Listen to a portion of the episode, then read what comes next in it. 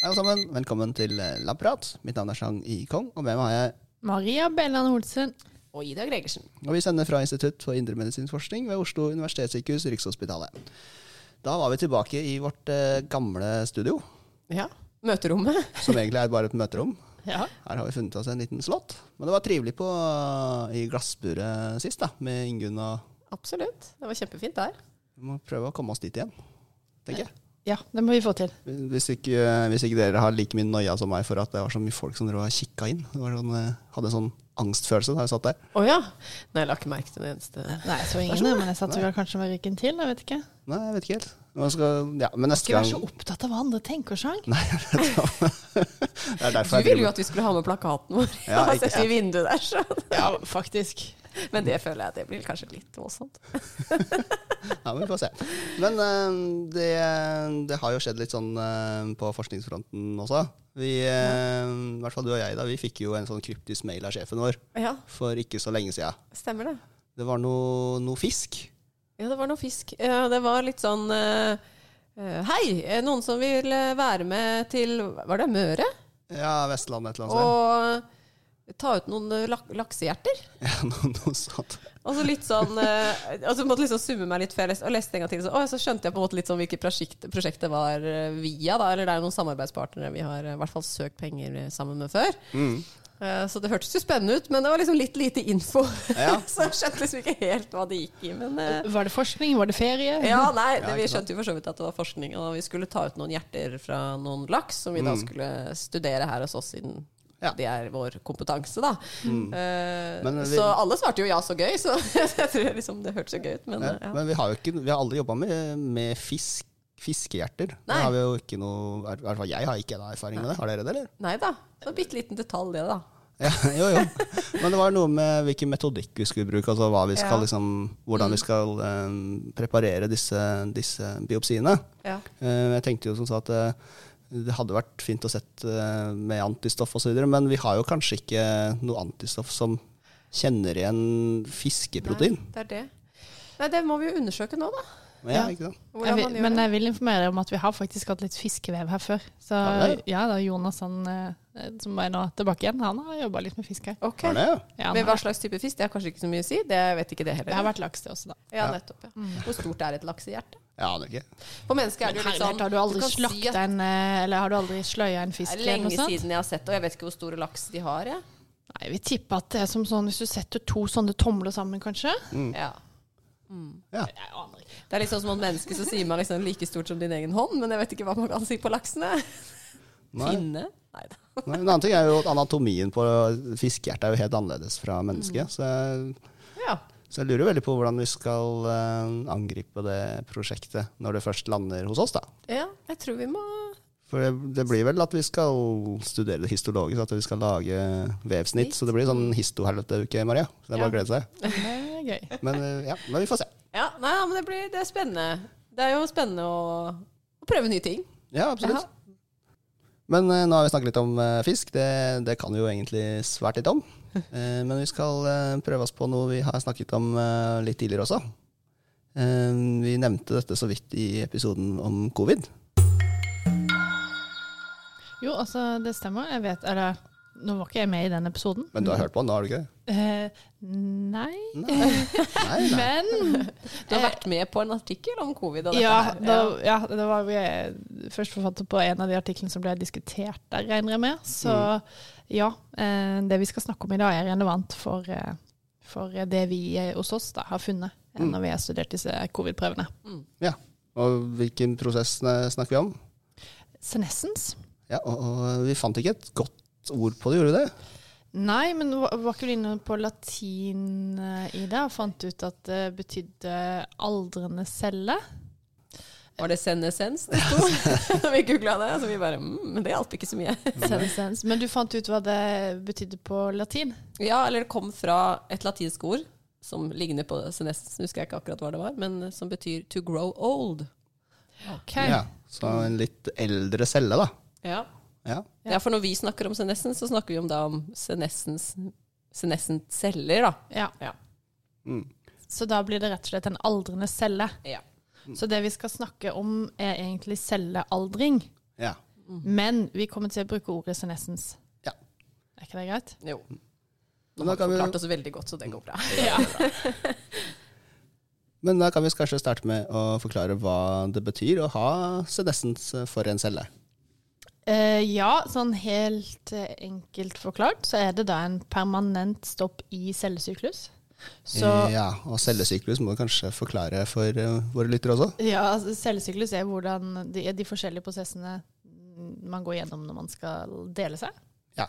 Så at man kan være i forskjellige stadier, men man endrer stadiet, og så kan man dele seg og bli to celler, og, Mm. ja, og så videre. Mens hvis du har da stopp, en permanent stopp i cellesyklus, så kommer man på en måte ut av denne syklusen, og så, så vil det da ikke være noen celledeling lenger. Mm. Men eh, forresten, eh, celler som ikke deler seg sånn til vanlig, sier vi at de er senescent? Eh, nei, det gjør man ikke. Det, det er en annen eh, Det er en annen greie, egentlig. Ok, så senestens uh, eh, bruker man da om celler som i utgangspunktet skal kunne dele seg, men så har de slutta med det. Ja, jeg tror vi kan si det sånn. Mm. Ja. Absolutt. Um, så det er jo en det er jo en um, tilstand som eh, man oppdaga for lenge siden. Det var allerede eh, noen som fant ut i 1961. Og, og da kunne man, så man da i celleskåla at, ehm, at cellene fikk denne eh, celle, det er stopp i cellesyklus. Mm. Eh, og eh, at man, man kalte det da eh, senescens. Mm. Men eh, så man fikk jo en teori om at det her kunne være involvert i aldring. Sånn aldringsprosessen når vi organismer blir gamle. Ja. Mm. Eh, men det er først i da, den senere tida man faktisk har bevist og funnet ut da, at det har med aldring å gjøre, og det har med en god del sykdommer å gjøre. Mm. Eller er relevant for en god del eh, sykdommer. Mm. Har dere forresten opplevd å få en sånn aldrende celle i en cellekultur? Eh, ja, det tror jeg. Ja, Du òg? ja. Absolutt. Jeg jeg hadde en sånn, eh, et prosjekt en gang der jeg drev med noen fibroblaster fra mus. Eh, og det var jo da det vi kaller primære cellelinjer. Altså de lever ikke evig i utgangspunktet. Eh, så etter eh, en stund, etter at de har delt seg et par ganger, så slutter de å dele seg. Og da husker jeg de så ut som sånne speilegg i mikroskopet. Og da visste man at eh, nå var løpet kjørt. Nå kunne man ikke bruke disse cellene mer. Nei, Mm. ikke sant. Så Men- de så annerledes ut. Ja, men man kunne også, hvis man var litt heldig, da, hvis man fortsatte å insistere på at de skulle fungere. Etter en viss tid så var det noen av de som ville få en mutasjon som gjorde at de ble til litt sånn pseudokreftceller, at de kunne fortsette å dele seg. Okay. Og da fikk man etablert da en cellelinje da, Mm. som man kunne bruke i lengre tid. Men de hadde jo da fått mutasjoner og var litt annerledes enn eh, det de var i utgangspunktet. Ja. Det hørtes jo ikke sånn bra ut sånn, i hvert fall sånn inni kroppen. eh, Nei, hvis det skjer i kroppen, nei. Men i, celle, men i, eh, i celleverden, eller i, eh, I celleforsøkverden så er det fint. fint. så vil man jo ha det sånn. Ja, i hvert fall for en, for en stund, kanskje. Ja. Ja, det spørs, kommer litt an på hvilket uh, eksperiment man gjør, da.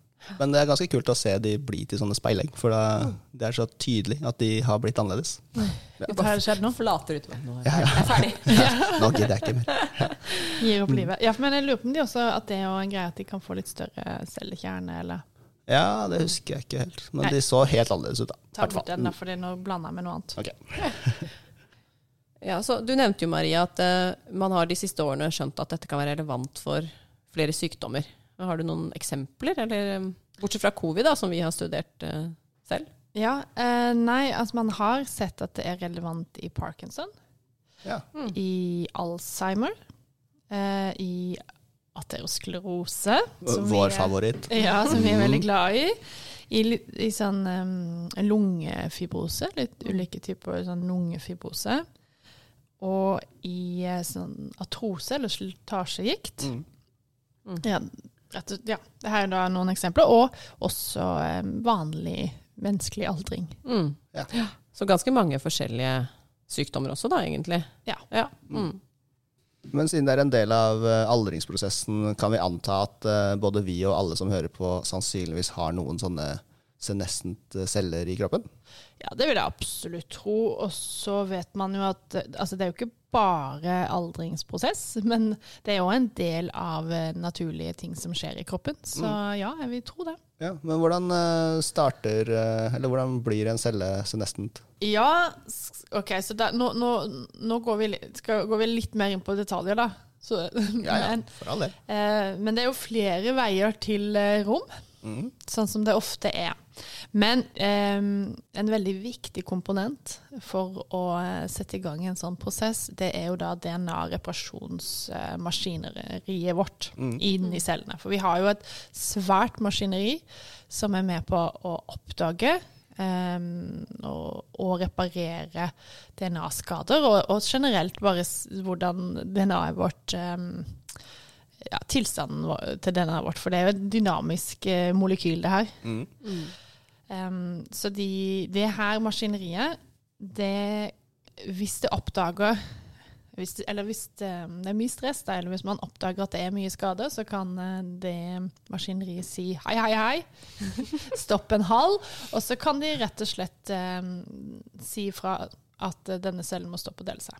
Ja, for det, det kan Altså disse skadene skal ikke bringes videre til den neste celle, da, kan man tenke seg. Ja, altså, ja, hvis det rett og slett er såpass med skader at ikke man klarer å reparere det, mm. ja, så er det bedre at du, eh, at du stopper opp. Ja. Eh, og så eh, er det jo da man kan, ste- man kan ha mange sånn dobbelttrådbrudd, som det heter. Hvis, for du har jo to DNA-tråder. Hvis du får brudd i begge disse to mange steder, så er jo det ganske kritisk. Det er jo liksom den mest alvorlige form for DNA-skade. Og så eh, er det jo sikkert mange som har hørt om telomere, som er de her eh, endene på DNA-molekylene. Ja, eh, man kan kanskje tenke seg at det er hvor mange det definerer hvor mange ganger en celle kan dele seg, for de blir jo kortere for hver gang en celle deler seg, gjør det ikke det? Jo, det stemmer. Man må liksom, for å kunne dele seg, må man kutte litt grann av telomerene hver gang. Ender på kromosomene. Ja, Hva sa, hva sa jeg? På DNA-molekylet. Ja, kromosomene. Enig. Det er bedre med kromosomene. Men eh, hvis de telomerene er også veldig utsatt for eh, DNA-skade. Så hvis du òg får en del DNA-skade på de her telomerene, så kan det igjen aktivere denne reparasjonsmaskineriet. Og så gjennom ulike prosesser der, så sier den hei, stopp en hal. Mm. Og så er det en annen prosess um, som er veldig viktig, som også kan skje når som helst i kroppen vår. Mm. Fordi vi vet jo at um, man, man har jo egentlig Det utvikler seg jo kreftceller i kroppen vår egentlig hele tida. Og så blir de stoppet. Mm. Mm. Og det her er òg en eh, prosess for å stoppe eh, kreftceller. Ja. Så hvis en celle utvikler seg til å bli en kreftcelle, den får mutasjoner som gjør at den kan dele seg, dele seg, dele seg, så um, igjen så vil eh, denne reparasjonsmaskineriet kanskje oppdage det, eller ofte oppdage det, og igjen Mm. si stopp en hal. Så det er DNA-reparasjonsmaskineri som på en måte passer på alle disse prosessene, egentlig, da. Fordi Ja. alle vil gi en skade i DNA. Ja, man Ja. kan jo si det sånn.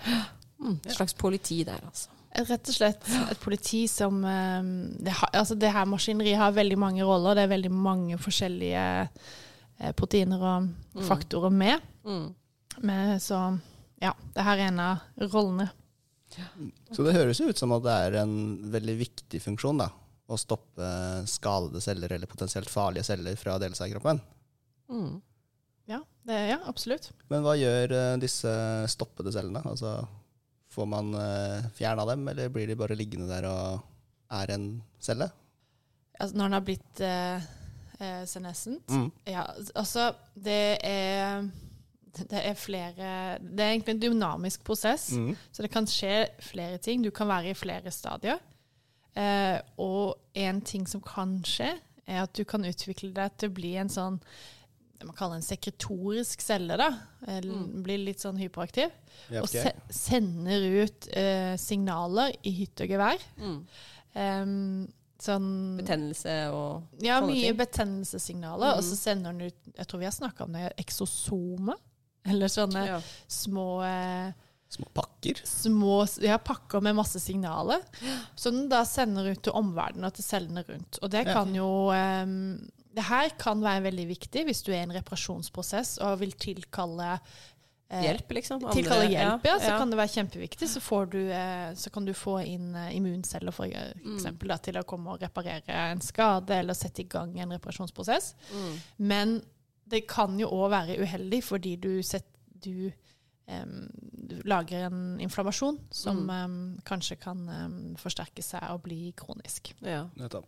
Og da gir det jo mening at det, senescens kan være altså, viktig for mange sykdommer. Da. For det er jo litt det vi har snakket om flere ganger. At uh, betennelse f.eks. er fordelaktig når det er i, på riktig sted til riktig tid og i riktig dose. Men Mm. hvis det blir sånn som du sier, da, for mye eller for lenge, så kan det jo gi sykdom.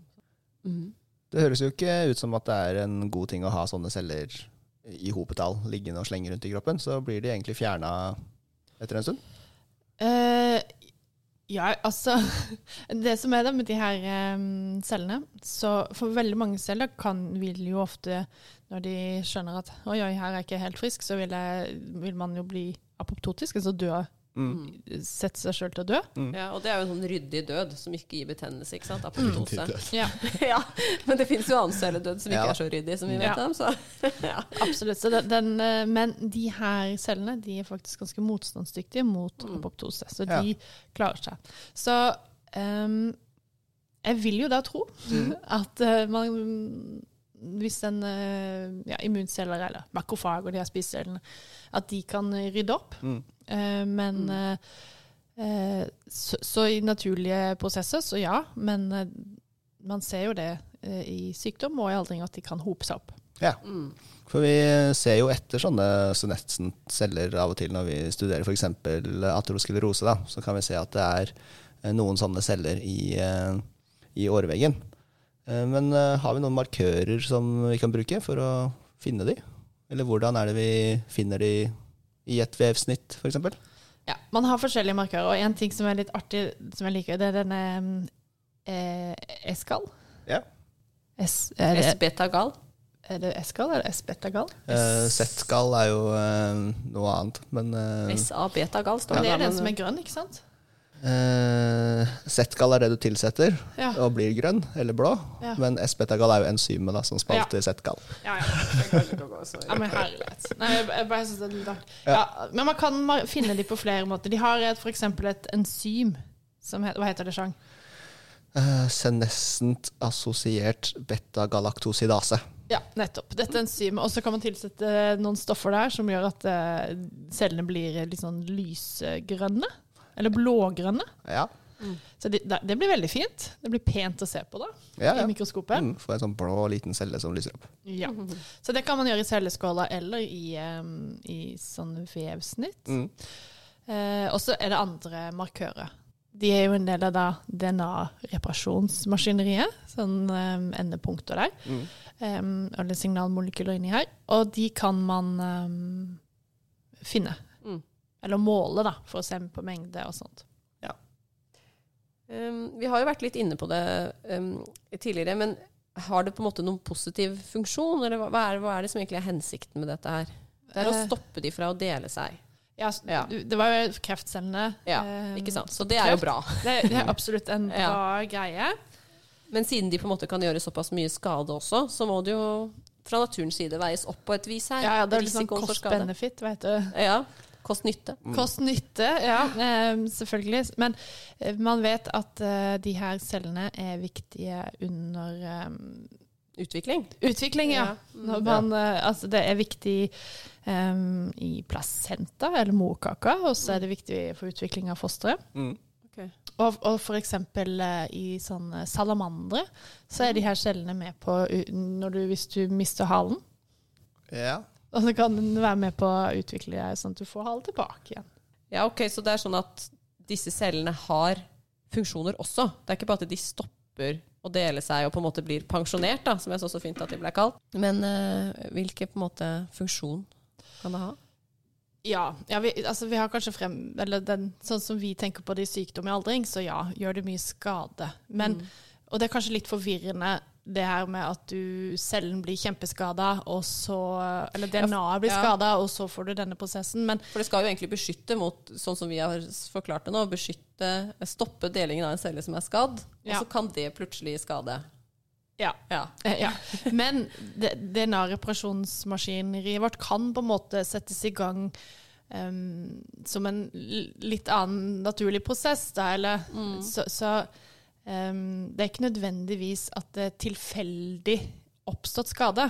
Det Nei. kan være en del av en organisert Eller or, or, hva heter det? Regulert. Regulert prosess. Ja. ja, nettopp. Ja. Så da, under utvikling, så vet man at det er viktig for um, morfologi, eller hvordan man blir Altså, ting, organene ser riktig ut. Okay. Mm. Mm. Eh, det er litt sånn som man vet med hendene, f.eks. Så vet du jo at for å få fingre, og Mm. ikke svømmehud mellom fingrene, så vet man jo at uh, da må man ha apoptose, da. Mm. Og da må jo alle cellene, Cellene mellom der dø. Mm. Ja, de må dø for at du skal få fingre uten svømmehud. Mm. Ja. Så de regulerer på en måte eh, apoptose av eh, de cellene? Nei, Nei. det var bare et eksempel Nettopp. på en annen ty lignende type Skjønner, prosess. skjønner. Um, men de er med på en, sånne type um, reguleringsprosesser. Ok. Så- Så, ja. Så under utvikling så er de viktige. Og så har vi jo sagt at de er viktige for uh, sårtildeling. Mm. Fordi de kan sette i gang viktige prosesser der, og til uh, få immunceller til å komme og rydde opp, f.eks. Mm. Uh, og så er det igjen viktig ved, um, for å stoppe kreftceller. Nettopp. Så det har liksom tre veldig viktige funksjoner. Ja, Men så er det litt rart, fordi det kan også føre til kreft. Nettopp. Fordi at hvis du har disse eh, cellene som sitter og spyr ut eh, betennelsesstoffer og lager kvalme i Ja. miljøet sitt, Mm. så kan de påvirke celler rundt også til å em, Ja, de blir stressa, og større sannsynlighet for at de får mutasjoner og kan bli kreftceller. Mm. Ja, så igjen så er det jo sånn med den evige balansen, at det er, eh, er bra så lenge det fungerer og er i riktig mengde til riktig tid, tid. Men uh, hvis det blir for mye, så kan det føre til sykdom. Også her. Ja, litt sånn som vi alltid snakker om med betennelsesprosessen. Da. Mm, man må ha det, men ikke for mye. Ja. Mm. Men når man først er uh, uheldig og får masse celler man ikke vil ha, da, sånne celler, hvordan blir man kvitt dem? Eller er det noen strategi eller noen måte man kan bli kvitt dem på? Ja, altså jeg vet at det jobbes med, med medikamenter, så man kan eh, kvitte seg med de. Så i hvert fall eh, mye i dyreforsøk, og noen begynner vel å teste de ut på mennesker også. Mm. Men da har du to strategier. Enten så har du sånne legemidler som kommer inn og finner cellene og fjerner de. Mm. Eller så har du legemidler som eh, rett og slett bare hemmer de, sånn at de, de ikke gjør noe skade lenger. Nettopp. Så det, det blir jo spennende å se. Hvilke sykdommer har de begynt å teste eller begynt å undersøke effekten? Vet du det? Nei, det vet jeg faktisk ikke. Sikkert kreft. De pleier å være langt foran, føler jeg. Ja. Ja. Det kan godt være. Jeg tror, man, jeg tror faktisk man mer har bare kommet til I hvert fall som jeg leste i går, da, så har man mer fase én, og da er det mer sjekke sikkerheten. Ja. Så da har du ikke kommet deg over til å se på faktiske Hvilke sykdommer ennå, liksom? Nei, da må Nei. du først sjekke om det er sikkert i vanlige friske mennesker, og så Mm. går man vel videre. Spennende. Men jeg er ikke helt oppdatert der, så det kan eh, absolutt være noe som jeg, har gått glipp av. Ja, så er det noe man da kan gjøre for å forebygge og få mye senescent Altså unødvendig mange senescent celler. Eh, Helt uten å ha lest det, så vil jeg absolutt tro at det vanlige rådene våre med trening og kosthold og å ha det bra generelt eh, vil hjelpe på. Eh, kanskje kan det hjelpe hvis du har litt eh, god genetikk, eh, at du har eh, gode DNA-reparasjonsenzymer. Det får du ikke gjort så veldig mye med. Det er vanskelig. Det er vanskelig. vanskelig å gjøre så mye med. Livsstil er som vanlig det som er eh, nøkkelen til Ja, ikke god helse. sant. Mm. Eh, og så eh, er det ja, man, I dyrestudier da, så har man sett at det med å faste, eller lavt kaloriinntak Mm. over tid Man har jo noen modeller hvor man Mm. gir mus lavt kol eller andre dyr Ja. Mm. lavt kaloriinntak eh, gjennom livet, og da lever de jo lenger, og man ser også da mindre av de her. Det er bare Så sånne kjipe, det er bare sånne kjipe ting man kan gjøre for å Bare ikke spise noe. ja, ikke spise noe. Og frysing var også sånn der, en stund tilbake. Det var også veldig ikke populært, men det var også Det kunne forlenge livet til mus, i hvert fall. Ja, for da får man mer brunt fett. Er det Ja. det? Ja. Økt metabolisme også. Ja, det var kjempebra. Så det er jo viktig å si at selv om det er vist i mus, så betyr det ikke at det gjelder i mennesket, da.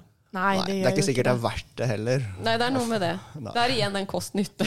Ja, du skal jo ha det bra og sette ned temperaturen kjempemasse, så du går kontant og fryser hjemme. Men det er liksom noen helt sikre, ganske greie ting, da, som er sikkert sånn slutte å røyke hvis man gjør det. Mm. Disse Ja. tingene, det tror jeg vi ganske trygt kan anbefale uansett. Ja, absolutt. Men da er det kanskje på tide med episodens eh, Eureka, Maria? Ja, nå har jeg jo prata veldig mye i denne episoden, men det er klart jeg kan prate mer. Ja, men vi tåler det, Maria. Vi, Ja. vi er glad i å høre på, på det, vi. Ok, det er bare for å komme med noe helt annet eh, på tampen i dag, da. Mm. Ja, Det var to artikler som er, kom over her, eh, som er to funn som er gode nyheter for oss og naturen. ja vel. Ja. Oss som i menneskeheten, eller oss Oss tre. som mens ja, oss tre og menneskeheten. Ja. Mm. Eh, ja. Og da det her er Den første er publisert i Nature Chemistry i år. Mm. Og da har forskere de har funnet en måte å bryte ned syntetisk materiale som tidligere har vært vanskelig å bryte ned. Mm. Og det har derfor bare hopa seg opp i naturen. Og det er polyuretan, eller pur. Det er en polymer med flere ulike materialegenskaper. Okay. Og det gjør at du kan bruke den i skum, lim og hardplast og sånne okay. ting. Eh, og da har man nå endelig funnet en metode som kan bryte ned de her polymerene. Og den er ganske enkel. Man bruker en syre og så en kjemisk reaksjon som gjør at de polymerene ikke kan komme sammen igjen Mm. etter de har brutt fra hverandre. Da går stoffet litt sånn på en måte i oppløsning? Eller Da går det i oppløsning, Ja. og det her er en god nyhet, for da blir stoffene lettere å gjenvinne. Ja. Nettopp. Ja, det var gladsak. Det var en gladsak. Mm. Og da kommer jeg med enda en gladsak, publisert i Nature Sustainability. Mhm. Det var en liten tur inn på Nature her. ja, jeg skjønner. Ja. Og en ting som eh, stresser meg ganske mye, det er da vask av syntetisk tøy. Mm. Sånn fleecejakker og sånt. Åh, ja, den flis jeg slutta jeg med. Ja. Men, Mikroplast og sånn. Hæ? Mikroplast og sånn. Ja. Men, for jeg har en sånn pose som man vasker syntetisk tøy i. Mm. Eh, men, men det er jo så veldig Det er jo flere enn meg, og så får jeg ikke alltid vaske alt tøyet inn i den posen her. Eh, og ja, det er veldig mange, da. Vi Mhm. har jo veldig mye syntetisk tøy som vi vasker. Og mikroplast for tøyvask det er en veldig stor kilde til mikroplast i havet. Mm. Så da er det noen forskere som har funnet en metode som kan redusere det her, det her avfallet. Og de har rett og slett laga et usynlig stoff som på en måte dekker det syntetiske tøyet, og så hindrer de at mikroplast rives av. Å ja. Ja. Ok. Og det her stoffet, det her usynlige stoffet, det skal da være ufarlig, og så består det av sånne polymertråder. polymertråder, -hmm. og de kan binde nylonfibrene, og så lager de, på den måten så lager de en sånn beskyttende kappe. Så et eller annet man setter det inn med, en slags impregnering? Det blir jo på en måte en impregnering som setter seg helt på utsida av tøyet. Og den kappen har vist seg da, øh, når de tester det, å redusere mikroutslipp av de her mikrofibrene med 93% Ja, mm. Bra. Så da ja, foreslår de at syntetisk støy skal eh, legges inn med den lille kappen. Jeg fikk litt sånne assosiasjoner til Harry Potter. eh, Invisible Cloak. Usynlig. Ja. ja, men han blir jo usynlig, på en måte. Klærne blir vel kanskje ikke usynlige heller. Nei, nei, det gjør det ikke. Det hadde vært litt uheldig, kanskje. Ja, men det hadde vært veldig fint da, hvis alle som lagde sånne og sånne klær, på en måte var pålagt å ha dette på utsiden, da. Mm. Er Eller de som lager stoffene. Ja, en de som lager stoffene, ja. Mm. Yes. Ja, det var to, to gladsaker. Ja, det var det jeg tenkte vi måtte s- slutte litt sånn oppløftende i dag. Ja. så fint. Veldig bra. Tusen takk, Maria. Jo, bare hyggelig. Ja, da er det bare å følge oss, da. På Twitter, Instagram og Facebook. Mm. Og så blir vi veldig glad hvis dere gir oss en rating, sånn at enda flere kan finne podkasten vår. Men da skal vi kanskje komme oss på labben igjen. Yep. Så da høres vi. Ha det. Ha det.